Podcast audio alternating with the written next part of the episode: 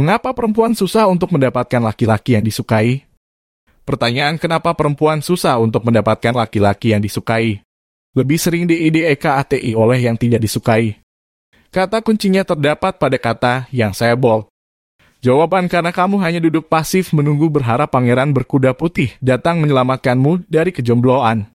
Begar scan becosers peminta-minta tidak punya kuasa untuk memilih. Kamu minta untuk didekatin kan? Dia mau maju duluan kan? Ya udah, terima aja cowok-cowok yang tidak sesuai kriteriamu maju deketin kamu. Faktor kedua adalah di mana kamu duduk menunggu untuk didekati cowok idamanmu. Kesalahan pertama adalah kamu hanya duduk pasif menunggu untuk didekati. Kesalahan kedua adalah kamu duduk pasif menunggu di tempat yang sama sekali tidak terdapat cowok idaman sesuai kriteria kamu. Kalau kamu mau cowok yang religius, sering-seringlah duduk menunggu di rumah ibadah. Kalau kamu mau cowok yang cerdas, sering-seringlah duduk menunggu di perpustakaan atau komunitas pecinta buku. Kalau kamu mau cowok yang atletis, sering-seringlah duduk menunggu di sasana gym atau tempat olahraga lainnya. Jangan sampai kamu mau cowok yang religius, eh kamu malah sering duduk di klub malam. Jangan sampai kamu mau cowok yang cerdas, eh kamu malah sering duduk di tongkrongan yang cowok-cowoknya cuma asik main game.